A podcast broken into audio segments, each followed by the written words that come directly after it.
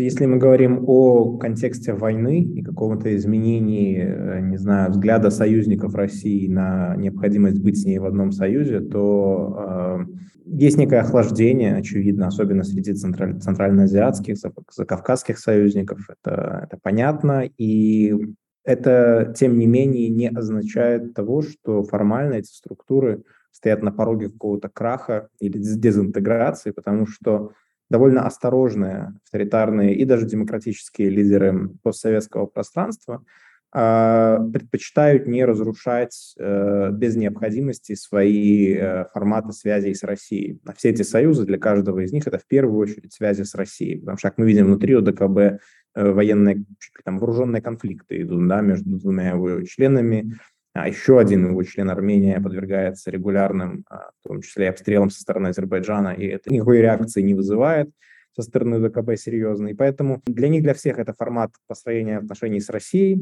А, и а, до тех пор, пока Россия не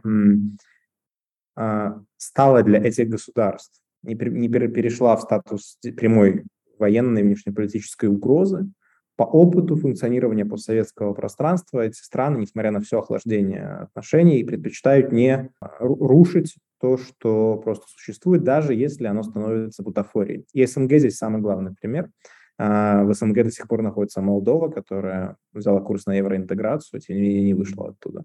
А, и только Грузия и Украина. Причем я даже не уверен, Украина завершила ли формально этот процесс, но Грузия и Украина вышли из СНГ, после того, как у них начались войны с Россией. Поэтому э, формально с этими организациями думаю, что ничего не будет. А с точки зрения выхолащивания их внутреннего смысла, этот процесс, особенно в случае э, ОДКБ, он запущен довольно давно, только подтверждается сейчас. Думаю, что ЕАЭС, учитывая экономическую как бы, такую яму, в которую погружается Россия, ждет примерно то же самое.